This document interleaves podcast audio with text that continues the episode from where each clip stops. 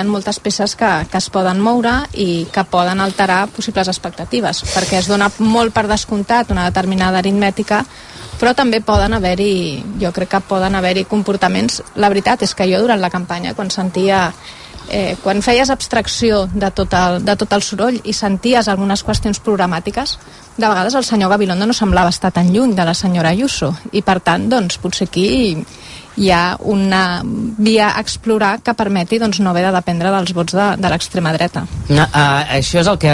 Clar, una cosa són el resultat electoral i l'altra que és el que la política que es fa a partir de demà i aquest és un escenari interessant que es configura després que els partits d'Esquerra hagin parlat de cordó sanitari doncs una manera de, de, de fer irrellevant el pes polític que, que aconseguirà Vox doncs és, és aconseguir o, o afavorir doncs que Isabel Díaz Ayuso no necessiti de Vox. Aviam, Basté, estàs dient alguna cosa?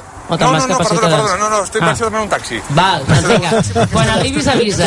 és que, és que el, el, el, el Google Maps ens diu que trigarem 45 minuts caminant i tampoc seria això. No, home, no, no cal. No cal, no cal. Avisa quan, quan arribis, són les 9 i un minut, fem una pausa i de seguida traurem al cap a totes les delegacions dels partits. Si és dia d'eleccions, és dia de RAC1. A l'avantguàrdia i a la cuina, la qualitat sempre per davant. Subscriu-te 3 mesos a l'avantguàrdia per només 111 euros i aconsegueix un joc de paelles Bra valorades en 121 euros aptes per a tota mena de cuines. Truca ara al 933 481 482 i gaudeix d'unes paelles immillorables amb l'avantguàrdia. Últimament s'abusa del terme premium. Música premium, subscripció premium i fins i tot xoriço premium. Sí, exacto. A 8TV no ens volem quedar enrere. Empiezo a creer que estás enamorado de mí. Estrenem els dijous premium. ¿Cuánto necesitas? 500 dólares. Lo tienes en el bolsillo. Que són com qualsevol altre dijous, però a la nit una pel·lícula premium. Interesante. I aquest dijous, Perversidad. Un clàssic premium per una nit premium.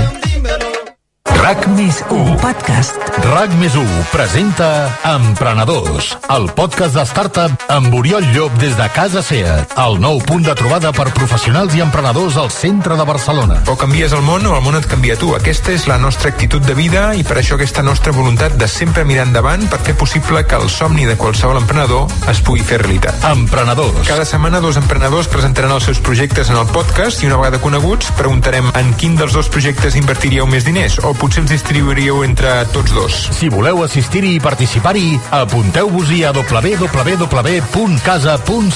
Emprenedors, el podcast de les empreses emergents cada dilluns a RAC més 1 amb Oriol Llop des de Casa SEAT. Un podcast amb l'impuls de CaixaBank Day One, el servei de banca especialitzada en startups, scale-ups i inversors per ajudar a construir el demà de les empreses innovadores. Escolteu a rac1.cat i a l'app de RAC més 1. Tots som Més 1. Ja és aquí la quarta edició del campus de futbol Mundo Deportivo amb la coordinació de MIC Sports, organitzadors del MIC Futbol. Del 28 de juny al 2 de juliol a Barcelona, per jugadors i jugadores de 6 a 16 anys i amb totes les mesures de protecció contra la Covid-19. Apunta't ja al web mundodeportivofootcamp.com amb el patrocini d'Agbar i la col·laboració de Danone. Campus Mundo Deportivo. Passió pel futbol. RAC, RAC 1.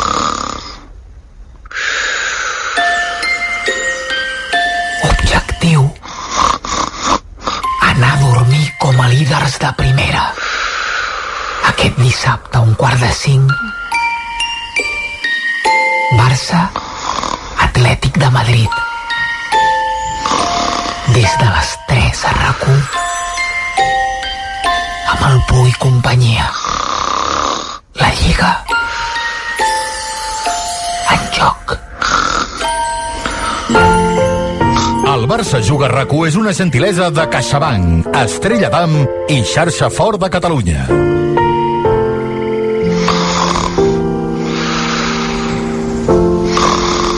RAC 1 Tots som 1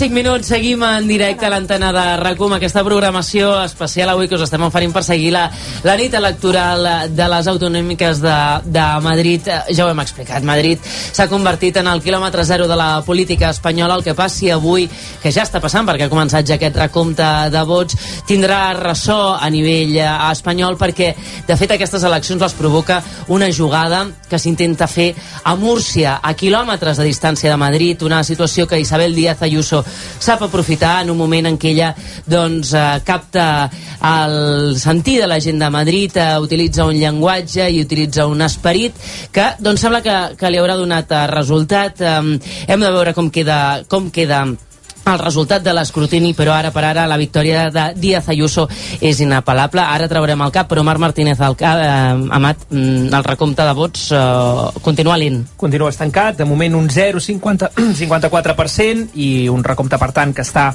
a les Beceroles, eh, que veiem en el mapa, que són eh, una trentena, potser Sí. sí. de municipis els que comencen a donar, a reportar eh, dades, i ara mateix, tal com està, amb aquests resultats poc significatius, eh, el PP és primera força amb 54 escons, seguit del PSOE amb 33, 25 de Mas Madrid, eh, 12 d'Unides Podem i també 12 de Vox. Ara mateix no sumen eh, el Mm. PP i Vox amb aquest resultat i Ciutadans eh, és fora d'aquest eh, Parlament, d'aquesta Assemblea Autonòmica. Per tant, la, les esquerres que per la franja alta no, no sumarien De digues formes, s'ha de res, dir, s'ha de dir ho- ho dic per, per la lectura de, dels, Sí. dels resultats. Normalment a, la, a Madrid succeeix que l'esquerra mm, comença més forta del que acaba. Ho vam veure l'any 2019 i ho vam veure ja a la repetició electoral, no sé si ho recordeu, el 2003, tres va ser de l'octubre, que ha de ser sí, a un a Sí. un, que, que, que fins i tot semblava pilotat, no?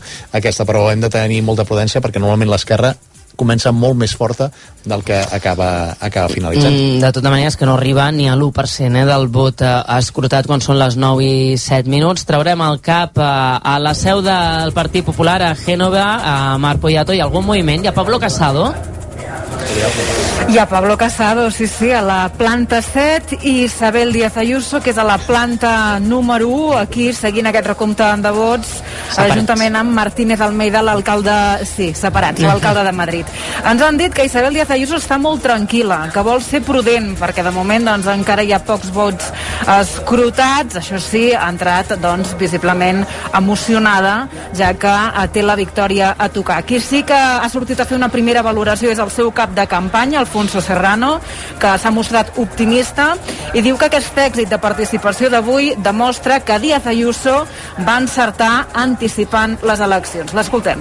Una participación que no viene sino a refrendar lo acertado de la convocatoria de la presidenta Isabel Díaz Ayuso, que ante un momento de incertidumbre para los madrileños, quiso que ellos tuvieran la voz y que fueran ellos, los madrileños, los que decidieran su futuro, el futuro de su comunidad autónoma, y que no se decidiera en unos despachos.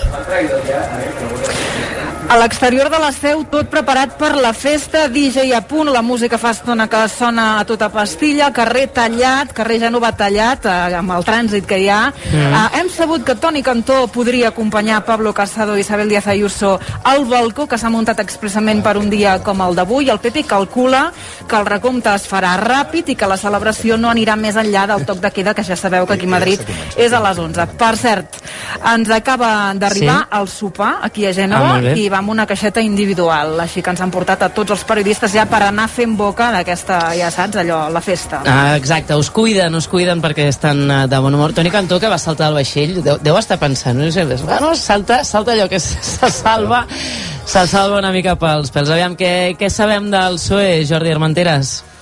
Doncs mira, una sorpresa, que Manuel Castells, el ministre d'Universitats, que representa els comuns, i per tant Podem, el govern espanyol, fa nit electoral amb Àngel Gabilondo, amb Què el? PSOE, per tant, i que no va a la seu de Podem, sinó que en aquests moments és amb, amb la cúpula de l'equip de, de Gabilondo. Ho hem explicat abans. Són amics? El PSOE amb doble...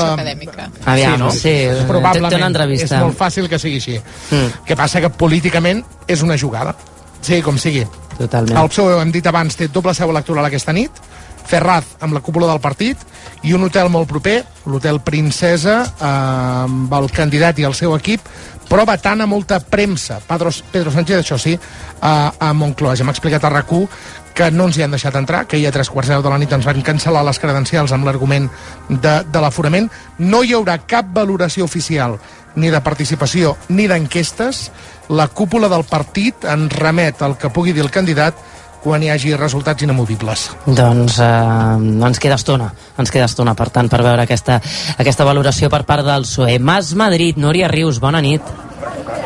Hola, bona nit. Doncs aquí sí que hi ha hagut una primera valoració, ha sigut per part de la que és la portaveu del partit a l'Ajuntament, Rita Maestre, i primer sí que ha volgut doncs, celebrar aquesta enorme participació històrica eh, a Madrid, també felicitar els apoderats, i s'ha mantingut que dins el partit hi ha optimisme. Ells creuen que les enquestes o que aquest primer sondeig de peu d'urna no està recollint els resultats eh, finals, insisteixen que hi hauria un efecte Mònica Garcia, han dit, i que fins i tot permetria potser doncs, eh, que governi un, un bloc d'esquerra, així que han dit que, que esperaran doncs, el, a l'escrutini final, no? però que de moment es mantenen en l'optimisme o optimisme moderat, si més no. En l'enquesta, el sondeig de GAT3 efectivament li dona doncs, eh, una lleugera millora, eh, aquest efecte Mònica Garcia que aconseguiria doncs, eh, fer passar Mas Madrid de 20 escons, els que va aconseguir amb Íñigo Errejón a una forquilla d'entre 21 i 24, veurem com es materialitza això amb el recompte de vots. Aviam, a la seu de Vox, eh, des de fora també.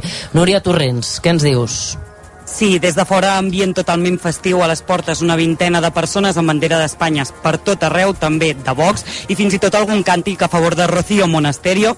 Recordem que nosaltres no hem pogut entrar, així que a l'interior el veiem des del seu canal en directe i també podem escoltar el pati on s'ha pogut escoltar més d'un aplaudiment i crits d'alegria, sobretot després que hagi parlat fa una estona el portaveu Jorge Buixader, fent una valoració molt positiva d'aquests prematurs resultats, amb els que o bé mantindrien els 12 representants o bé es mourien un amunt, un avall. Això també confirmaria que els ultradretes serien aquesta clau per donar-li la majoria absoluta a Díaz Ayuso, així que compleixen amb el seu lema que es posicionaven com la garantia perquè l'esquerra no entrés al govern de la comunitat. Gràcies, Núria. I anem fins a la seu de Ciutadans, allà a la Navallonesta, que es trobarà d'aquí res amb el Basté. Anna, què ens expliques? Quin ambient hi ha aquí? Doncs aquí, mira, no sé si ho podeu captar de fons, però hi ha silenci sepul sepulcral aquí a la seu de Ciutadans. Sí. Res, no se sent res, Sí, sí. absolutament de fons, fins i tot fa una mica de, de cosa parlar, perquè sembla que, que tothom Com si estiguessis a missa, no? Com si estiguessis a missa, sí. ja silenci, no? Sí, sí, sí, ja estem, com dèiem abans, hi ha una cinquantena de periodistes doncs, que estem aquí en una sala gegant, amb les televisions posades, amb una musiqueta que ens van posant de fons de tant en tant, però tothom amagat. Sí que hem vist fa uns minuts a Ed, a Edmundo Val, entre uns vidres al primer pis, com parlaven amb altres membres del partit, però ni una paraula. Només ha parlat fa uns minuts eh, el secretari de Comunicació, Daniel Pérez Calvo, però que s'ha limitat només a, a donar les gràcies als madrilenys per, per l'alta participació i, com dèiem, doncs sí que anem veient moviments per Clar. alguns dels despatxos, però aquí, a, a la sala on hi ha la premsa, doncs no hi ha absolutament ningú. Ni us diuen, eh, Anna, si Inés Arrimadas eh, sortirà aquesta nit a parlar, si compareixerà. No, no, de moment no ens han dit res. De fet, m'agradaria fins i tot saber si, si és Sí. aquí a la seu, si ja ha arribat, perquè és que no l'he vist entrar i no ens han donat cap altra, cap altra informació. Uh, tot el moviment, és que fins i tot ha desaparegut la gent responsable de comunicació del partit, han marxat d'on estem tots els periodistes. Suposem que estan doncs, Sí. tots reunits, però no els podem veure des de- des d'aquesta Mm, sala. Ens han deixat completament sols. El funeral, funeral. En Jordi Bastija és fora de la seu de Ciutadans. Sí, estic fora i realment la gent està molt més interessada en el que passa en un bar que hi ha al costat, que diu Tendido 11, on per cert el Manchester City està guanyant 1-0 al PSG a les semifinals tornada de la Champions, cosa que vol dir que l'equip de Pep Guardiola pot classificar-se per la final tenint en compte que ho estem veient, ara que acabem d'arribar aquí hi ha mm, aquest, aquest bar que es diu Tendido 11, té una explicació eh? que és que està al costat de la plaça de Toros de les Ventes a la seu de Ciutadans i també aquest bar que està a patar, o sigui, per patar vol dir totes les terrasses estan a patar Sí. i evidentment sense mascareta i evidentment sense cap tipus de distància de seguretat i al costat hi ha la seu de Ciutadans que certifico el que deia fa uns moments la Navallonesta que està aquí en aquesta cantonada del carrer Alcalà que és, per cert, molt millor que la seu de Ciutadans a Barcelona, almenys per volum. Aquesta és una seu que deu tenir unes sis plantes, eh, diferent a la del carrer Balmes de Barcelona, que és, diguem, molt més, molt més modesta. Eh, malgrat els resultats entre els uns i els altres, que ara podran reclamar els del carrer Balmes, que tenien una seu molt més digna que la que tenen comparada amb la que hi ha aquí al carrer Alcalà, i, eh, i efectivament a través d'una vidriera al marge d'uns policies que custodien l'entrada en aquesta seu del partit, eh, del partit taronja molts periodistes, moltes càmeres al pis de dalt eh, les llums enceses, res més. Eh, i al costat un restaurant xinès amb les llums enceses amb un títol que avui aquí al costat de Ciutadans queda com molt empetitit, que es diu Palacio Imperial. Ah, Jordi, probablement en el, la terrassa que estàs parlant aquí al costat hi ha el millor rabo de toro que es pot menjar a Espanya dels últims dos anys, perquè aquí és on serveixen entre el, el rabo de toro que ve de les ventes, de la plaça de toros, i clar, abans d'ahir va tornar a haver corrida després de... A veure, no, no hi havia cap corrida de toros des del novembre del 2019, i llavors els toros que es maten allà habitualment se serveixen en aquests restaurants de la zona, inclòs el que dius. Vaja, I només, el només, que només, els només agrada, falta posar-li I cara. el qui els al- agrada al bou, diuen home. que és una Ja. Eh, És molt bo, l'únic que si quin és el Tendido 11, que és aquesta taverna, o hi ha una mica més Sí, amunt sí, sí. que es diu... Fi... Ah, Ah, clar, clar. Bo bo saber-ho, eh? Bo és saber-ho, perquè entre, entre, Agafa entre el restaurant xinès entre el restaurant xinès i el Tendido 11, avui diríem que obtindríem la... voldríem la segona, eh? Voldríem la, la, la segona, efectivament. Agafa lloc, agafa lloc aquí al tendit, a la per terrassa, cert, per, veure si per veus arribar Inés Arrimadas. Sí. Bueno, això serà una, una... És a dir, és molt interessant, no sé si n'heu parlat, el que pot passar a partir d'ara en Ciutadans. És a dir, quin recorregut tindrà Ciutadans. Eh, és a dir, que, per exemple, un element importantíssim, que és què, què passarà, per exemple, amb el, amb el... Ara veig un grup de gent que surt d'aquest tendido 11, que deuen ser membres de Ciutadans, eh, que es deuen dirigir, però és que clar, com van amb la mascareta posada no sé distingir, eh, però hi ha un grup de, de 7 o 8 persones que, que abandonen aquest tendido 11 per anar cap a, cap a la seu. Eh, deia, és a dir eh, si amb el resultat ara, eh, per exemple Morena Bonilla té la intenció de convocar eleccions a Andalusia, fet que no seria gens menyspreat pensar-ho a, a hores d'ara i després un altre, que és que què dirà Inés Arrimadas, és a dir, on queda Inés Arrimadas després d'aquests resultats electorals, tant el de Catalunya, però sobretot aquest de Madrid. És a dir, quin, quina lectura en farà Inés Arrimadas, quina lectura en farà Ciutadans després d'aquesta catàstrofe electoral del Partit Taronja. Mm. Clar, i la pregunta, eh, però és que quin paper pot jugar Ciutadans?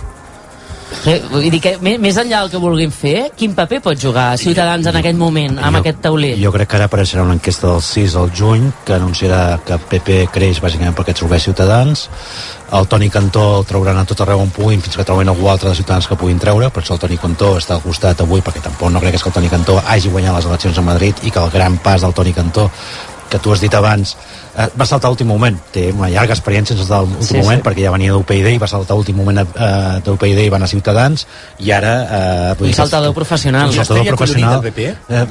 Eh? Jo estaria collonit del PP, perquè si cada partit on va el Toni Cantó... Sí, sí, exacte. Quasi, però bé. Però jo, I deixa'm acabar, jo crec que el PP intentarà fer una OPA final a Ciutadans. I crec, Ayuso ha fet més mítings amb Toni Cantó que amb Pablo Casado en tota aquesta campanya. i crec que el missatge era clar. És a dir, el missatge és eh, us anem a absorbir. És a dir, ara això, el, el, el que s'anomenava trifachito ara quedarà en bifachito. Eh, I aquesta serà la nova dinàmica.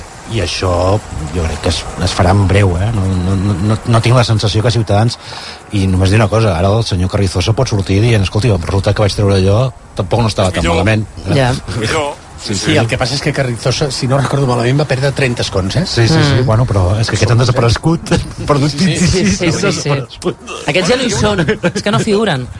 Sí, aquí hi haurà una lectura, hi haurà una lectura perdoneu, eh, també a fer, que és la, allò que vam començar amb la nova política, allò sorgit de la sexta, del començament de la sexta, entre, entre el Albert Rivera, Pablo Iglesias, és a dir, com quedarà com quedarà la creació d'aquella nova, d'aquella nova política que havia de venir, sobre part, sobretot per la part de Ciutadans, que queda esborrat del mapa, i la pregunta és per què queda esborrat del mapa, i això algun dia haurà de respondre. Inés Arrimadas per un cantó, i haurà de respondre, evidentment, també eh, Albert Rivera.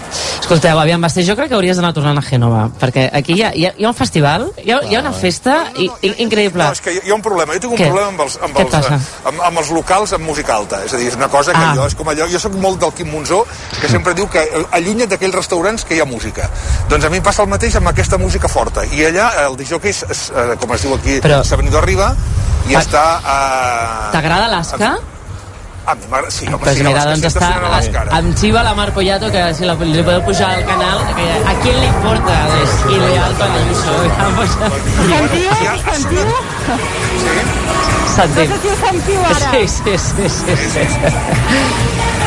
No, jo no us puc sentir a vosaltres perquè realment això és un escàndol, el volum d'aquesta música, el DJ Pulpo realment està revolucionant el carrer meva. i tot el, el que és el barri aquest de... Un clàssic, eh, el DJ Pulpo, que, que, sabeu, els mítics del PP. estem al costat del Tribunal Suprem i de l'Audiència Nacional. Comença a arribar moltíssima gent aquí al carrer Genova, que està completament tallat. Per cert, eh, us avanço un detall, i és que avui, aquí al carrer Genova número 13, aquesta celebració es farà amb un brindis amb cava català. Home! Un cava que... Sí, sí. Abans fèiem la broma amb el Basté, i jo li he dit xampany, doncs no. Uh, serà cava, cava català. Uh, sí, cava català és un cava que ha portat Josep Bou, Home, m'encanten aquests detalls. Aviam. Només faltava Josep Pou a la festa. Sí, sí. Alaska i Josep Pou. és, és tot un A esquetx. veure, espera, a veure, un moment, que la, la Mar no ens sent, deixem que ella ens expliqui tot el que vol explicar. Digues, digues, Mar. No, us estava explicant que hi haurà aquest brindis amb, amb aquest cava català que ha portat eh, Josep Pou, que cada cop està arribant més gent i que és la segona vegada que podem sentir Alaska i a qui le importa, que una mica suposo que també és, uh, és una cançó que descriu molt bé Isabel Díaz Ayuso, no? Perquè és, a mi no me importa, eh, yo hago lo que me da la gana, yo hago lo que... y a quién le importa lo que yo haga, no? Uh, I és una cançó que estan repetint molt aquest meva. avui aquí al carrer Gènova. Mare meva, quina, quina festa que també... En fi... I tu, i tu vols, Agnès, que me'n vagi cap allà, no? Home, a veure tu una vols, cosa. Agnès, que me'n vagi cap allà. Jo que ja estic ja amb la vacuna d'AstraZeneca a punt, m'envies amb aquesta mena de festival musical absurd Per si, mira. d'un disjockey tremenda. Que, per cert, deixa'm dir que abans ha sonat una cançó que va portar una certa polseguera la setmana passada amb el famós discurs, i ja forma part de la història de Bea Fanjul, mm. la presidenta de les noves generacions del PP, que al final va, eh, va fer la fotografia d'Isabel Díaz Ayuso dient-li, posant-li el nom de Lady Madrid. Lady Madrid acaba de sonar, és una cançó de... és una cançó de l'Eiva, un dels cantants de, de l'antic i ha desaparegut Pereza, mm. i que quan, quan eh, Bea Fanjul va citar Lady Madrid automàticament eh, l'Eiva va fer un tuit dient literalment me entristece que se haga uso político de Lady Madrid. Nunca me sentí propietario de esa canción. Siempre fue de la gente. No la manoseen, no se adueñen de ella no les pertenece. Doncs bé, segurament la quarta cançó que ha sonat aquesta tarda davant de la seu del PP obviant la demanda que feia a l'autor d'aquella cançó l'Eiva és, eh, ha sonat ja avui al carrer Gènova. Ja. Lady Madrid Um, és curiós perquè efectivament això també va passar amb una cançó de Coquemaya, no? El eh, No puedo sí. vivir sin ti. sí, sí, sí. Ara bé, després de sentir les declaracions de Nacho Cano, per exemple, no? gent de la movida en les últimes hores de com, doncs com, en fi, donen suport a Isabel Díaz Ayuso, justament això que dèiem, no? de la gestió que ha fet de la... Acabes de d'insultar la... la... movida, eh, Agnès? No, perdona, Crec n'hi ha que acabes molts... d'insultar la movida amb molts... Nacho Cano, però bé. Per què? Perquè no està reconegut dins de la movida, Nacho Ah, no? Cano, que jo sàpiga, és eh? eh, una mica no post, és- una mica post, no? Una mica post. I, i no Sí, tenien, 80s, diguem-ne, 80s. Sí, sí, sí, Però no sé si el tenien considerat dins de la seva moguda, diguem-ne. Ja. El Salmodóvar, sí, companyies. Dit, bueno, eh, molta gent el considera movida, eh, també, Sí, encara sí, que no. sí, sí, els sí, considera sí, movida. no. I jo crec que hem de- d'entendre també, i en som, escolta'm, la, jo crec que la llibertat d'expressió és que Nacho Cano es pugui, es pugui abraçar a Isabel Díaz Ayuso dient que és la futura millor presidenta de la Comunitat de Madrid, que d'altres cantants com Ismael Serrano es posicionin a favor de, de Pablo Iglesias. Amb la, és a dir, la llibertat d'expressió va pels uns i pels altres, per molt que alguns els hi sa, sa, saber malament que sigui Mecano qui abraça a Díaz Ayuso pel significat musical que va tenir pels 80 i per tota una generació, o que per alguns els hi sembli malament que Ismael Serrano es posicioni a favor de l'esquerra. Mm -hmm. Sí, totalment. Sí, sí, clar, totalment d'acord. lliures de- eh, aquesta idea de que l'art o la creació d'estar només amb l'esquerra eh, Oh, sí, això, això, és una mica això és un estranya. problema cada vegada més gruixut, sí, Sí, efectivament. és una cosa una mica estranya, no? És a dir, pot haver mm, creació de dreta i pot haver també fins i tot eh, creació que no sigui ideològica i no es posicioni en lloc, no? Però eh, sí que és veritat que des de l'esquerra hi ha hagut una certa apropiació en moltes ocasions de la creació com si fos patrimoni propi. de tot el que sigui bo s'apropia l'esquerra. Eh, això, fixa't, fixa't que aquesta campanya tothom parlava de democràcia i llibertat, però quan sortia algú no? a dir jo recolzo algú, tothom diu democràcia, llibertat, però quan sortia algú a dir que recolzava a un partit polític, tothom li, se li tirava a sobre, no? Fins i tot posant-li en dubte les seves qualitats, no? Que això és una cosa que a mi m'ha fascinat durant, durant aquesta campanya. Eh, parlàveu, parlàveu del tema de Ciutadans, que passava amb Ciutadans, jo crec que és un tema molt interessant, perquè penseu que, que com, va, com va iniciar Ciutadans l'any 2019, ho aspirava a tot, podia haver estat tot. Ja. Va, era el primer partit a Catalunya, podia haver estat president del govern, és a dir, fins i tot algunes en què se'ls donaven que anava, anava, anava, podia anar primer, podia haver aspirat a ser vicepresident del govern, va quedar en res de ser cap de l'oposició i les males decisions estratègiques, que jo crec que és que va decidir no fer d'aquest partit eh, no, frontissa eh, a Espanya, doncs li ha provocat la seva desaparició perquè va fer un tot o res. Clar, si tu li fas un tot o res i ho perds a les Bé. eleccions del novembre, aquí comences... Jo crec que hi ha una altra cosa, eh? Jo crec que Ciutadans és el mili marili de, de la política. Uh, és a dir, algú va intentar crear un partit per fer un Podemos de derechas i les coses no surten, de, no surten. Aquells dos nois no sabien cantar. Els feien Però va tenir en l'oportunitat, però l'any I el 2000 mateix ha passat amb Ciutadans. Però- No sabia fer política, eh, va néixer per una cosa molt determinada a Catalunya. Recordem per què va néixer però- Ciutadans, per fer una alternativa al Partit Socialista perquè havia caigut en mans del nacionalisme català. Mhm. eh? Per això va sortir Ciutadans. Aquest era el projecte originari de Ciutadans. A algú se li va acudir des de les elites econòmiques de Madrid que es podia fer un Podemos perquè els hi feia molta por, Podemos. Bueno, fer un de- Podemos de de- derechas de, de, perquè de, de el Madrid i de Sabadell també, eh? perquè el, el, el, Sí, sí, sí, però que només de Madrid de l'IBEX, eh? però que formava part de l'IBEX, em refereixo. Ah, val, val. Li feia molta por Podemos i eh, veien que eh, el Partit Popular podia quedar caduc en les seves formes, la corrupció, etc etc i van intentar fer un artifici. Eh, en el món de la música hi ha una experiència, una gent que va estar a dalt de tot i van desaparèixer quan es va veure que hi havia poca El Mili substància. Vanilli que, que comentaves. Jo, jo volia, volia situar Xavi, més sí. enllà del, del, de la història de Ciutadans. A mi la història de Ciutadans és veritat que a mi em resulta eh, hasta increïble, perquè és un partit com ho diria, és, és un partit que hi ha un cert moment que es decideix des de certs llocs que no ha fet el que tocava i se'l condemna, i a mi el que em sembla més bèstia és que se'l aconsegueix condemnar. És a dir, que efectivament en la repetició electoral de 2019 que és quan hi ha la gran pèrdua eh, de, de vots en aquest sentit que té pèrdua d'escons és a dir, la repetició electoral en part es buscava que Ciutadans pogués créixer i qui va créixer és Vox el 2019 i que realment era impressionant veure com mitjans de comunicació que havien alimentat Ciutadans pensem que Albert Rivera se l'havia presentat com el nou Suárez de la política Mm, espanyola cert. i és cert que les enquestes apuntaven uns resultats molt alts però que mai es complien eh? jo, jo recordo que el 2015 que donaven 70 diputats i va acabar, no me'n recordo on va tenir 40 no me'n recordo 35. quants- 35, és a dir que mai es complien perquè donava la sensació que estava molt inflat i com d'un dia per l'altre aquells mateixos que, que estaven eh, enamorats del que era Ciutadans, de cop el condemnen a mort d'una forma increïble i és perquè ja va passar alguna cosa. Jo crec que hi ha un tuit de, com es, com es deia el tipus, jo més el conec, el diputat de Catalunya per Ciutadans, el que estava a Madrid, hi ha un tuit que diu, que ha dirigit a la filla de, em sembla que és la filla de l'Emilio Botín, i en, cuando no se te puede chistar, no se te puede registrar, porque cuando tal passa lo que passa, i és brutal aquell tuit, perquè està dient clarament que, que, que l'han condemnat per una sèrie de motius. Ara, deixeu-me fer un altre punt abans de Ciutadans, sí. perquè a mi que gent de la movida madrilenya, o del que sigui, eh, no només eh, sigui de dreta, sinó que doni suport al PP, a mi això em sembla, no, no, no és que em sembli legítim, és que em sembla normal. Perquè el PP porta 26 anys governant Madrid. És que no és, és poca broma, eh? És a dir, és una hegemonia. No, no, no estem parlant de ha guanyat les eleccions, és, és, és, fa 26 anys que governen. Ara bé, el que a mi sí que em sembla preocupant, jo, bueno, porta 26 anys per tant això em sembla normal. El que no em sembla normal és com eh, en l'intent, eh, o sigui, la deriva discursiva del propi Partit Popular. És a dir, que ara mateix Mariano Rajoy sembla una persona de centre comparat amb el que sents dir alguns dirigents del Partit Popular. És a dir, que surti la Díaz de Ayuso i diu coses que ja sé que ho diu en broma, però és que hi ha certes bromes que també són, diu, eh, quan el llaman fascistes està en el lado bueno de la història, o que surti l'alcalde de Madrid, que representa que és el moderat, perquè necessita una imatge com de més moderat, i dir, bueno, seremos fascistes, però gobernamos bien. Ara imagineu-vos la senyora Merkel dient, seremos nazis, però gobernamos bien. Fem broma. No la faria, aquesta broma.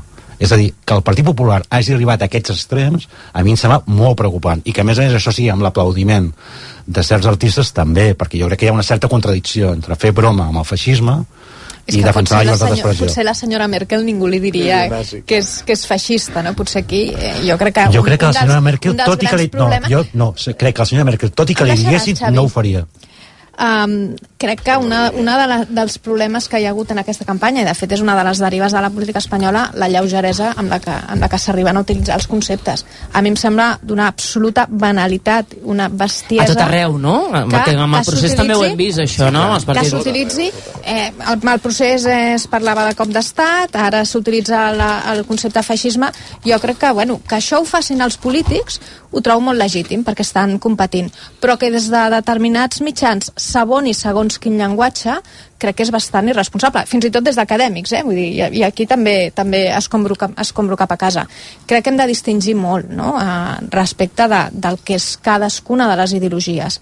Aleshores, com que del que es tracta és de deslegitimar l'oponent, a un se li diu comunista i a l'altre no, se li, diu, se li diu feixista. Jo crec que això és, és una deriva molt perillosa perquè al final no estem eh, dient el veritable contingut, ni tampoc estem discutint amb els arguments que s'haurien de discutir.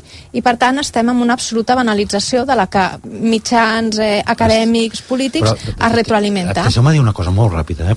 Sí. Per, per intentar explicar el que vull dir. Eh? No, no, no, és a dir, Molt, molt, m'ho expliques molt, bé, no, no, per però molt, tontos. no, no, no, però molt breu. Però el que, el que vull referir-me, no em vull referir tant al que em preocupa de la dreta. Eh?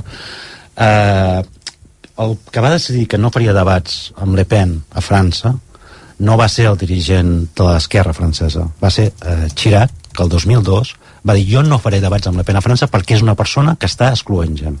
Sí? No, no, no va fer falta que li enviessin unes bales, que és un debat. És el dirigent màxim de la dreta francesa que diu tema cordó sanitari. La que decideix que Turíngia no pot governar amb el suport d'Alternativa per a Alemanya, perquè és un partit que es considera d'arrels eh, neonazis o d'extrema dreta, és Merkel.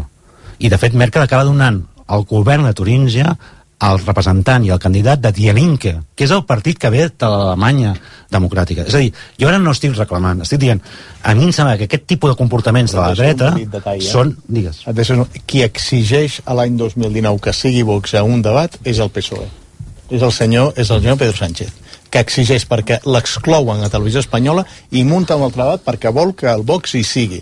És a dir, per, pel PSOE que ha jugat i, i qui li diu al, a Vox Sí, sí, sí. a l'any 2021 que és un partit d'estat perquè una cosa és I el qui PSOE. convida És a dir, clar, constantment aquí a Vox i fa créixer aquí a Clar, Catalunya no, és el que problema- si vosaltres no us preocupa que la dreta no faci el que fa no li Chirac o fa la Merkel, no passa res. A és que jo preocupa. crec que, no, no, a mi, a mi és que jo, jo aquesta estratègia primer crec que s'hauria de valorar molt bé quines conseqüències genera.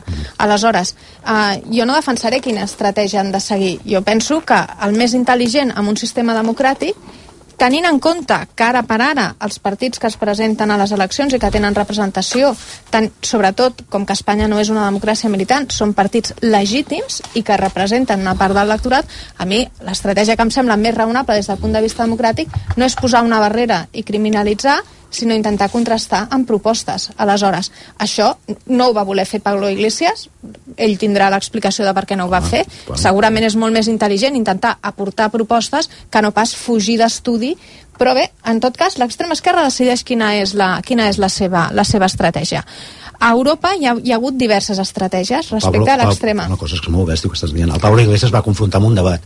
Li Bueno, van enviar unes bueno. bales i hi ha un partit que no ho va condemnar, ja està. aquesta- no, no, no, no és aquesta- que no ho hagués confrontat. Sí, però... I no és només el Pablo Iglesias, ho va fer el PSOE i ho va fer no només l'extrema esquerra. Però l'objecte del debat era eh, condemnar, eh, condemnar l'arribada de les bales o l'objecte del debat era confrontar propostes polítiques? Perquè eh, si vienes a hablar de tu libro, vienes a hablar de tu libro. Si vens a, a fer un debat, vens a fer un debat. Ho trobo molt legítim, eh, que cadascú utilitzi les estratègies que cregui. No és una estratègia, és jo principis. Els mateixos que té la Merkel i el Chirac i el que tu no estàs explicant perfecte, ara. però jo crec que, eh, segons els meus principis democràtics, el més sensat en democràcia és debatre, no excloure. I qui no vol debatre tindrà arguments molt legítims i segurament es considera molt bona persona si és que hem d'utilitzar aquests termes basats en la, en la moralina, però a mi crec que i el que li interessa més al lectorat és saber què farà cadascú no el principi moral que defensa, perquè per principis morals ja hem tingut a l'Església durant molt de temps. I fins i tot el que hauríem de ser capaços en democràcia és de debatre sobre propostes i és molt perillós que seguim instal·lats en aquest debat perquè sí, i aquesta experiència és evident com més es criminalitza l'extrema dreta més tendeix a victimitzar-se i a créixer perquè hi ha un sector de la població que això ho veuen mals ulls, no? El fet de condemnar amb uns altres. I hem de ser conscients. O sigui, no és que això estigui bé o que estigui malament, és que això passa. Aleshores, hem de ser curosos segurament a una part de l'esquerra li interessa molt alimentar el monstre de l'extrema dreta, perquè això li dona vida. Ara, els que ens situem en posicions més centrals, pensem que potser és més sensat que la gent contrasti opinions, fets i polítiques. No tot és política, també hi ha carrer. La impunitat de l'extrema dreta significa augment Però això d'agressions és una altra cosa. No, no, no és una Però és altra que cosa. això és un altre tema, no? és Quan que, ho barreges aviam, tot... aviam, com ho és-? Però Aviam, aleshores ja està, no passa res, és igual, deixem-ho estar, deixem-ho no, estar, no, ja està. tens el dret penal per això. Utilitza el dret penal quan és necessari el dret penal i si no, utilitza la política. Aviam, Però no et parapetis No, darrere que- del no vull eh, discutir. Eh, a mi em fa gràcia quan, quan es fa aquesta És equidistància entre l'extrema Oh, dreta un i el que anomenen extrema esquerra. Torno, si tu llegis el programa de Podemos i et sembla extrema esquerra, tenim un problema. Per estar molt més a prop de la socialdemocràcia que de l'extrema esquerra. Home, depèn. Mm, dels- No, no, Depèn de llegeix el programa, llegeix el programa. Bueno, Però en tot cas, com que en els tot he cas, llegit i- i he cas, tots els publicat programes, acadèmicament, tots els programes polítics són legítims. I en democràcia es pot discutir de tot, efectivament, dins dels termes de la democràcia. Aquells No, discursos... perdona, que, moment, dins, dins moment, dels moment. termes de la llei, que és el que estableix. deixes- No, no, és que la democràcia és molt etèria, no deixes està parlar? definit en la Constitució el que és No, la democràcia. ja- no, es defineix deixes- el que és la llei. Em deixes acabar? Sí, però parla, cosa- parla amb sí, propietat. Hi ha una cosa que supera la llei, que són els drets humans. Quan es fan Però això discursos... ho recull la quan es fan- Constitució. quan es fan discursos que superen la barrera dels drets humans, crec que hi ha molt poca cosa a discutir.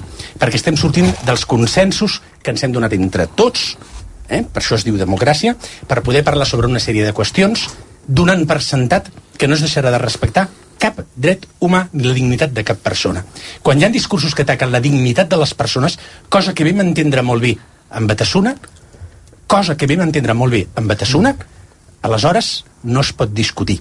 S'ha de silenciar directament, perquè hi ha discursos que el que fan és alimentar l'odi. Ho vam entendre amb Batasuna i no ho entenem amb Vox. Tenim un problema democràtic en aquest país. I és que, efectivament, hi ha una cúpula judicial que tendeix a veure els excessos de l'esquerra amb un barem i els, i els excessos de la dreta els veu amb un altre absolutament diferent. No és molt diferent el discurs de Batasuna quan donava suport a ETA al discurs de Vox quan dona suport a Franco. No és gens diferent. Per tant, no pot haver equidistància entre el discurs de Podem i el discurs de De Vox. formes- No tenen res a veure. Bueno, jo, no jo sé, bueno. De aquesta comparació perdona, no sé per- si per resisteix una- gaire. Franco va morir l'any diferència- 74 i va, Ja veiem, va Rafa. seguir matant en democràcia. Sí, no, la diferència amb Batasuna és que utilitzava la violència per aconseguir, per assolir els seus objectius polítics. Aquests eren un dels problemes. I que utilitzava els recursos públics per alimentar aquesta violència. És a dir, estem parlant ja no de debats teòrics, que jo estic d'acord amb tu. A mi em costa molt seure una persona que nega els drets, els drets humans, com algú li pot costar, a una persona que nega els consensos que ens hem donat entre tots, com l'Estatut, com la Constitució, que pot entrar dintre No, d'aquest però no entra concepte. dins els drets humans. Però entra, no, no, no però entra dintre dels No, consensos. barregem, Perdona, no, no, no, no, perdona, no, ja- ja- entra, ja- entra, els perdona, perdona, no, perdona, consens universal. Té, té sentit molt i, i, i fins i tot estic d'acord amb algunes coses. És una aspiració. Tu parlaves, parlaves, parlaves de consensos que ens hem donat entre tots. Ens hem donat un consens internacional, que són els drets humans, i a nivell, i jo que sóc molt contractualista, a nivell nacional ens hem donat un contracte social que és de Constitució. Hi havia alguns que deia que fora de la Constitució no podies parlar. Hi havia altres aquí a Catalunya que defensaven dia,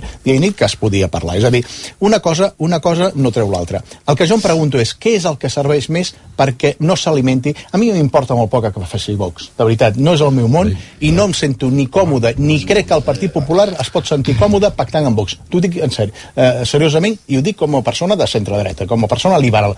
Els liberals van néixer per lluitar contra el totalitarisme. No només el feixisme, també el comunisme, tots els totalitarismes. I això tens grans escrits als liberals del segle, del segle, del segle XX. La pregunta que jo em faig és com pot recuperar aquesta gent que està votant aquestes opcions perquè creu legítimament, legítimament que és és la resposta Aquí a el les seves debat, és que, és que el debat... Aquesta és, aquesta és la el- pregunta. No, és que el debat l'hem tingut amb el Joan i l'Astre, que són habituals al 9C, no? Eh, És massa tard, no hi ha hagut cap instrument que hagi estat vàlid en el democràcia per evitar, impedir que, el que vagin eleccions. per- perdoneu, perdoneu, i acabo, amb això, perdona, acabo amb una idea. Jo el que vull evitar és que passi el que està passant a França en aquests moments, que una senyora d'extrema dreta està a punt de superar a les enquestes el president de la, el president de la República. Això és el que m'agradaria evitar. I la pregunta que ens hem de fer tots, Però- aquells que diem que no estem als extrems, és com podem dialogar entre nosaltres, perquè el problema és que en aquests moments els partits que són més antisistema són els partits que ens consoliden el sistema perquè són incapaços de posar-se d'acord entre ells.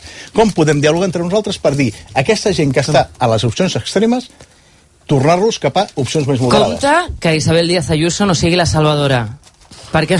Enteneu-me, sisplau, enteneu-me, m'esteu entenent. Us he fet somriure, però m'esteu entenent. Sí, sí, és a dir, ella, què ha fet? Molt hàbilment, ha agafat unes formes que no són pròpies del Partit Popular de Pablo Casado, si Però més ajuda no. l'extrema dreta. Però, no, són formes, i això ha fet, de fet, que Rocío Monasterio hagi hagut d'aguditzar molt més aquesta fatxanderia, aquesta forma de fer, com vam veure amb el debat de la però, SER. però s'haurà de veure una cosa, eh? que encara no estem en enquest, bueno, ja tenim No. resultats electorals. És No, a dir, espera't, pot no. arribar a passar Aquí que amb tot, amb tot aquest discurs la senyora Ayuso ha eliminat l'opció Ciutadans i s'ha quedat només amb l'opció Vox. Per tant, no sé, no sé si eh, és la salvació de Vox quan al final eh, acabarà construint... o ha impedit o ha impedit que se'n vagin més votants cap a Vox. Mireu, el que passa és que, espereu, no, no tingueu pressa perquè jo crec que estarem aquí fins demà, bàsicament perquè, perquè escolta, són les 9, la, sí, sí, és que queden 20 minuts per les 10 de la nit, fa una hora 40 minuts que han tancat els col·legis electorals i jo crec que aquí deuen estar aguantant, aguantant vots, perquè si no, no, no m'ho explico, Marc. tancada, no? Sí.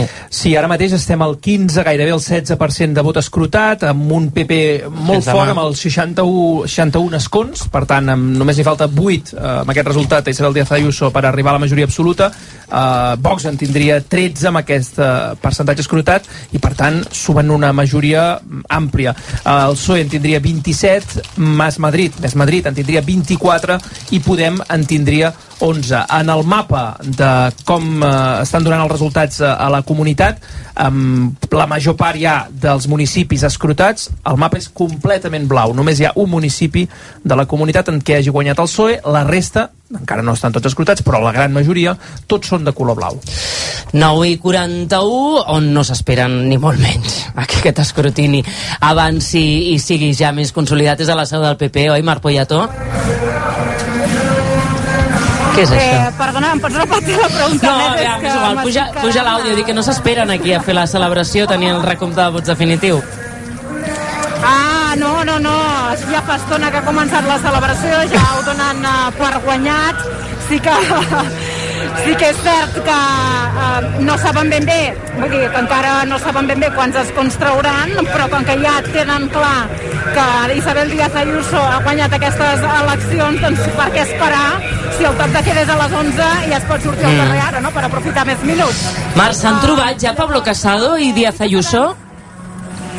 Sí, sí, és Sí, el que eh? t'anava a explicar. M'allunyo una miqueta de la música, perquè és que si no és impossible parlar amb vosaltres.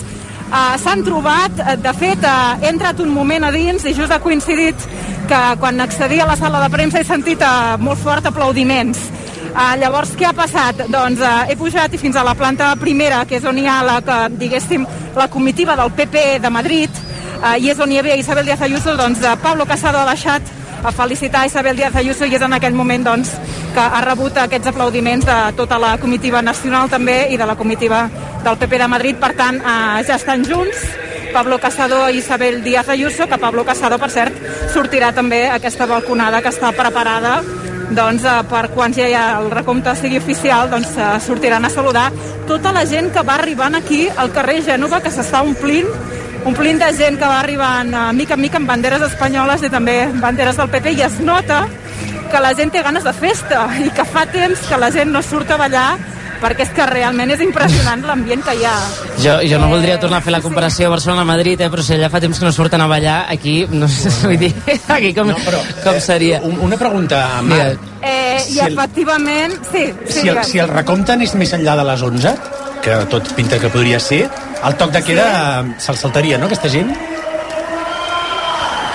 Home, jo no els veig amb la intenció de marxar. Uh, a no ser, clar, aquí al PP ens diuen que ells calculaven uh, que la festa acabés a dos quarts d'onze, perquè llavors la gent tingui temps de tornar a casa i a les onze ser a casa. Clar, si s'allarga, no sé com ho faran. O potser surten És abans, que- perquè sí, ja ho tenen doncs, bastant clar. El que eh, també us dic, sí que és veritat que la gent va tothom amb mascareta, però clar, evidentment la distància de seguretat, zero. És a dir, no hi ha cap mena de distància de cap tipus, ni, ni un metre i mig, ni dos metres, ni res. Vull dir, no hi ha distància. Uh, 18,70% eh, de vot escrutat queda encara molta estona o això s'accelera de cop i aquí aboquen moltes dades que mm, pel que sigui ara puguin tenir retingudes o, o en fi, o s'accelera s'accelera. Aviam, uh, Jordi Armenteres a Can Soe, um, algun input? Res de res, no es deixa veure a ningú, insistint que no hi haurà cap mena de pronunciament fins que l'escrutini sigui definitiu. Per Mm. cert, Sí. des de l'equip de Gabilondo ens diuen que efectivament amb Manuel Castells hi ha una molt bona eh, amistat de tota l'etapa de la Universitat Autònoma de Madrid i que només per això el ministre dels Comuns i de Podem avui fa nit electoral amb Gabilondo. Doncs uh, queda, queda explicat per què no està en Podem. Aviam, Núria Rius, Mas Madrid. Doncs aquí, igual que, que la seu del Partit Socialista, de moment ha sortit, sí, eh, Rita Maestre, doncs a fer una primera valoració, però ja han dit que, que fins Res. que després no estigués doncs, més avançat l'escrutini o amb els resultats finals, no tornarien a, a sortir. Així que de moment tranquil·litat, eh, això, sense cap simpatitzant eh, com des de fa una... Bueno, des de, des de tota la tarda Res. i l'únic, doncs, els, els periodistes doncs, doncs davant de la seu, esperant a veure, a veure doncs, quina altra valoració fan un cop hi haguin els, els resultats complets. Mm, també hi havia, hi havia ambient festiu a la seu de Vox, Núria Torrents, l'aguanten o no? Sí, sí, de fet no paren d'arribar persones Ah, sí? davant la seu. Ara Mhm. mateix jo crec que són una quarantena aproximada. Tots arriben amb banderes d'Espanya i de Vox, embolicats a l'esquena, bufandes, gorres... Curiós perquè molts són grups de joves i fins i tot hi ha alguna família amb els fills. També s'ha escoltat més d'un crit de Viva Espanya o a favor de Rocío Monasterio. Un parell de furgones de policia espanyola estan davant de la seu, els agents que s'ho miren i alguna policia municipal. Els periodistes de televisió es mantenen fora i d'altres entren i surten per veure aquest ambient. Aquest ambient. Vox, de moment, la valoració ha estat la de Jorge Buixader, que ha estat molt positiva, perquè de moment ja ho hem comentat, que igual en resultat o fins i tot els podríem millorar, i ara esperar les valoracions finals de la candidata Rocío Monasterio i Santiago Bascal. Mm, recordar que a Unides Podem ens han eh, retirat l'acreditació per seguir la nit electoral eh, on l'està seguint doncs, eh, l'equip del partit i han- ens l'han retirat doncs, a quarts de set de la tarda. Eh? Així que m'hem enviat també l'Anna Ballonesta, a la seu de Ciutadans, insistim, aquest, aquesta patacada històrica que, en fi, no sabem eh, realment com deixarà el, el partit d'Inés Arrimadas Moviments aquí, Anna? Doncs aquí la situació és la mateixa que us explicàvem fa uns minuts, no s'ha mogut gens ni mica, no hem vist ningú, eh, continuem veient moviment entre alguns dels passadissos que van a diferents despatxos, però, però gens de moviment fins i tot. Abans havíem vist Edmundo Val a través d'un vidre en una sala de reunions i quan se n'han adonat que hi havia fotògrafs doncs, que intentaven fer fotografies han baixat les persianes amb una persiana més opaca doncs, perquè no puguem veure el que està passant a l'interior, tampoc ni rastre de, d'Inés Arribades, fins i tot he anat a preguntar a altres companys si és Sí. que l'havien vist, que potser a mi se m'havia escapat, i no, no, ningú l'ha vist. Potser ha entrat eh, en un moment que, que no ens hi hem fixat, o potser no ha arribat encara, és que realment no ho sabem. L'única diferència respecte a abans, Agnès, Sí. és que ens han tret el sopar, eh, els periodistes, Uh, això sí, suposo que hem pensat, mira, anem avançant feina, i ens han tret el sopar, ens han tret una mica de catering, uh, prou bé, eh? Dues mini hamburgueses, una entrepà de truita de patates, dues broquetes de salmó, Mm. dos talls de formatge, vull dir, Va, Déu-n'hi-do. força complet.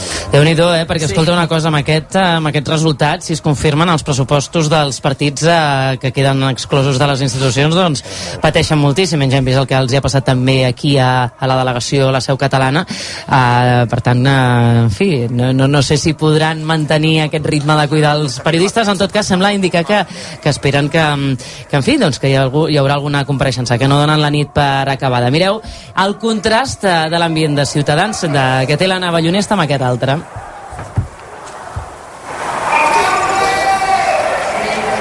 Ara han parat la música. Basté, han parat la música per ja, tu ja o què? Torna, ja torna, ja torna, ja torna.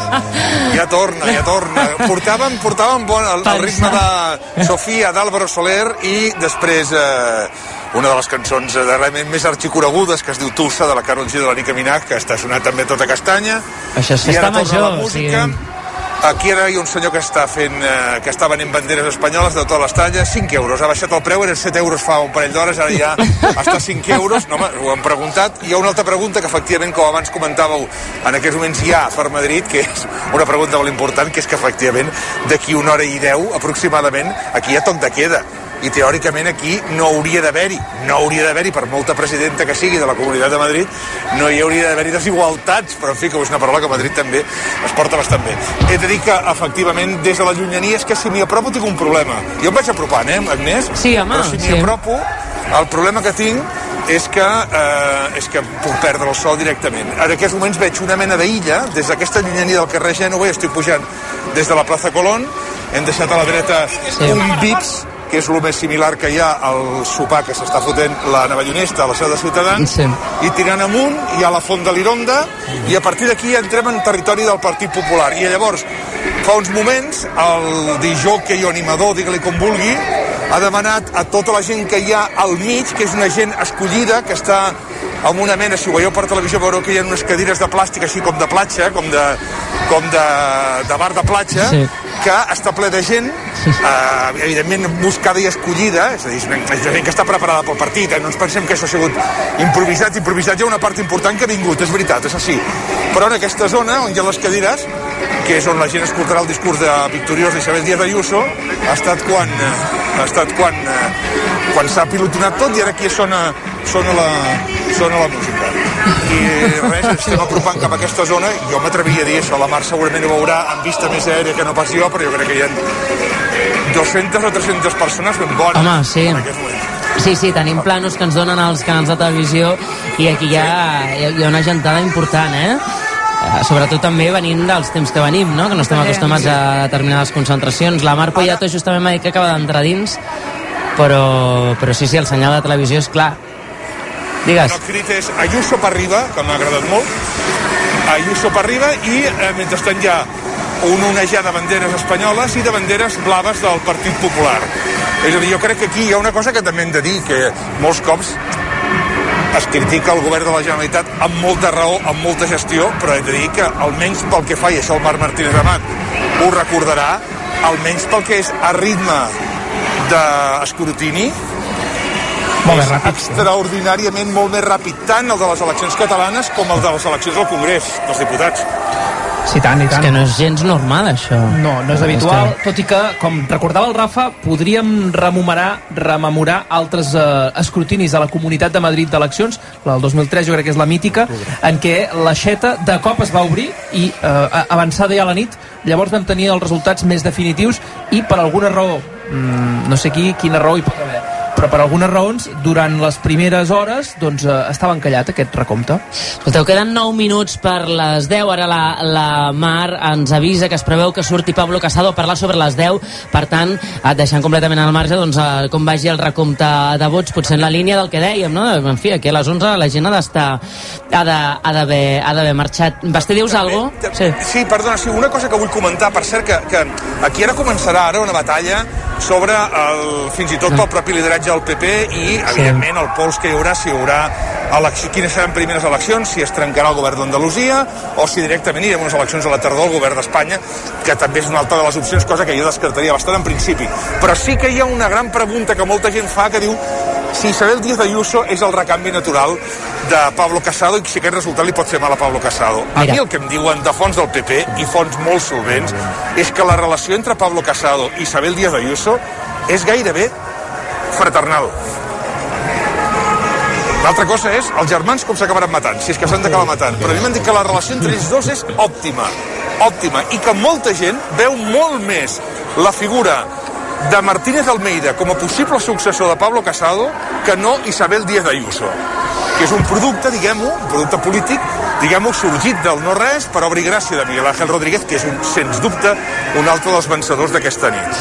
Mira, fem una cosa, perquè justament anava a posar aquest tema sobre la taula, però és que abans hem de fer una pausa, perquè si no l'empalmarem amb el Pablo Casado si surt a les 10 en punt i no podrem resoldre-la. Fem una pausa i a la tornada. Això que és, aquest crit que sentíem, no?, d'Ayuso per arriba i Casado què? Va. Si és dia d'eleccions, és dia de RAC1. Anticipa't als reptes del futur. A IQS formem professionals per ser el motor del canvi d'una societat en constant evolució. Coneix els graus i màsters en les àrees de ciència, enginyeries, gestió d'empreses, màrqueting i turisme. Apunta't ara a iqs.edu a les jornades de portes obertes online. IQS, Tomorrow's Creators.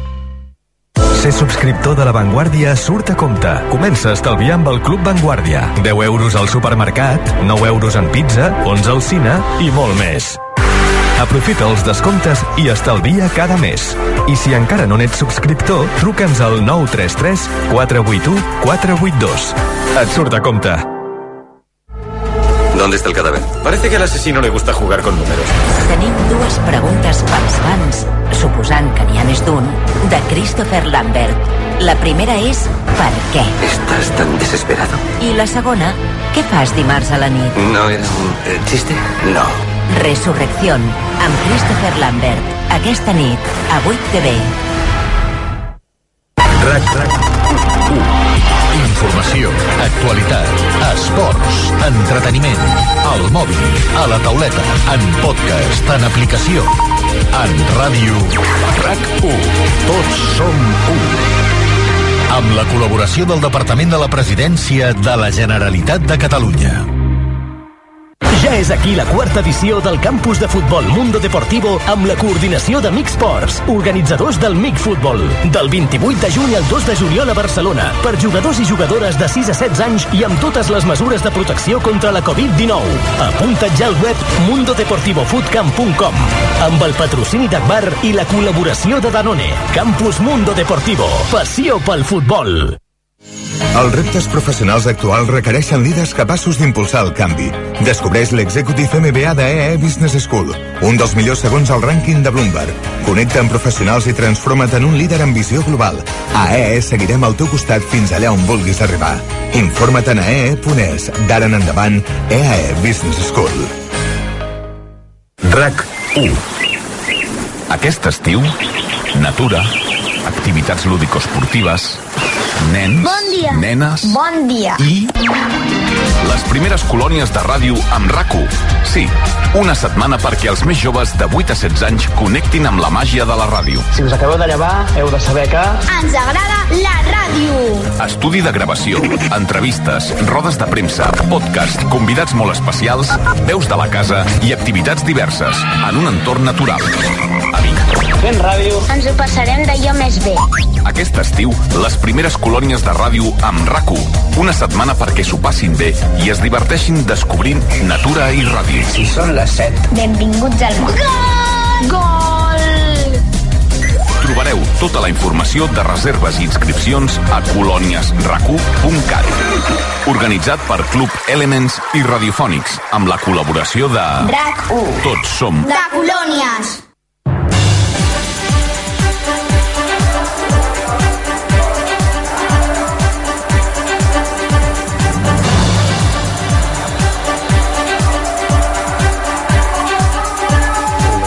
Minuts i mig perquè siguin les 10 en punt de la nit el recompte de vots a les eleccions de la Comunitat de Madrid que s'enfila ja fins al 30%, 33%, 33%, per tant va avançant, no es mouen significativament les, mm, les peces. Sentim de fons el micro de Jordi Basté, aviam, explica. Sí. No, no, no, t'explico perquè evidentment hi ha hagut una causa-efecte, que és que aquesta que és una cançó que es diu I Will Survive, d'un Home, final grup de que es diu festa. Herms House Band, que és una cançó que habitualment, almenys a les meves èpoques, tancava. Sí. I a partir d'aquí, vol dir... A la meva també. Arribava el cotxe escombra, diríem, ja als locals eh, pèrfids on anàvem. Dit això, dit això, eh, ha, ha sigut aquesta cançó, ha animat a tota la, a tota la parròquia, ha arribat, per cert, una, una bandera, unes banderes amb el, just quan sonava aquesta cançó, amb la, la bandera de l'art de, Sant, de Sant Martí, eh, i, per cert, hem anat a preguntar sobre el toc de queda a la policia local. I la resposta és el toque de queda a las 11, por supuesto que sigue vigente. Per tant, aquí a la balconada han de sortir, han de sortir per tant, abans. amb una, hora, amb una hora interpreto que si no falla res, és a dir, tindria molt poc sentit les coses com siguin, és a dir, siguem seriosos, que dins del caos i descontrol que hi ha en aquesta ciutat respecte al, al que són les mesures de, de la pandèmia preventives, home, seria bastant fort que eh, si hi ha toc de queda a tota la comunitat autònoma, que avui, per molt que hagi guanyat el PP, a les 11 la gent estigués aquí encara de festa. Seria la campanada definitiva d'Isabel Díaz Ayuso, no? D'alguna manera? No, no, no. Sí, sí, la libertat. La libertat, la libertat és, és, és això. Déu-n'hi-do, que, que, que, que com hem grapejat o com han grapejat aquest concepte de llibertat, no? Compte què passa amb, amb, amb això a partir d'ara, perquè eh, està clar que estem en campanya electoral i tots són lemes i tot és simplificació per naturalesa, però, però és que la llibertat no és això. És No? moltes coses. Són moltes altres coses. O sigui, això seria una... Normalment eh, el que fan eh, aquests discursos és agafar una part pel tot. No? Una part de la llibertat sí que és poder eh, decidir lliurement si te'n vas a prendre una copa o no. Això forma part de la llibertat, sí, efectivament. Ara bé, no és el concepte de la llibertat. Però eh? jo- jo Com una part de la, de la democràcia és poder votar en un referèndum, però no només. Eh? Ho dic perquè aquí també hem manegat la paraula no, democràcia com ens ha convingut. Eh? Com una part de les fake news, és veritat que les emeten els mitjans de comunicació, però qui més les emetia és el senyor que més fake news denunciava, que es deia Donald Trump. Eh? Per tant, eh, sí que és veritat Però jo que... fins i tot, estic d'acord, eh, però fins i tot és que anar a prendre una copa a l'hora que, bueno, amb qui vulguis jo diria que fins i tot el franquisme es podia i no crec que fos un règim de llibertat. Eh, era legal però no era, no era un règim de llibertat vull dir que és rebaixar molt el concepte de llibertat i la llibertat Això és agafar la part més minsa de la llibertat però, però, és que, però és que és molt, molt, molt, molt minsa, eh? perquè ah, anar a prendre una copa, eh, si no hi ha pandèmia mundial, clar, si hi ha pandèmia, però si no hi ha pandèmia mundial, agafar-ho com a gran Joan, model. Xavi, deixa'm dir-te que en el Joan. franquisme podies fer una copa, però no amb qui volies. Home, clar, si estava a la... Ah, Perfecte, doncs, eh? Clar, si estava a la presó, Aquí no. no hi havia Sí, la llibertat, sí. Bueno, però... És igual. El PPPP de la, la música que sento per sota el vestit, la veritat és que és de, no sé, de, com si fossin les 5 de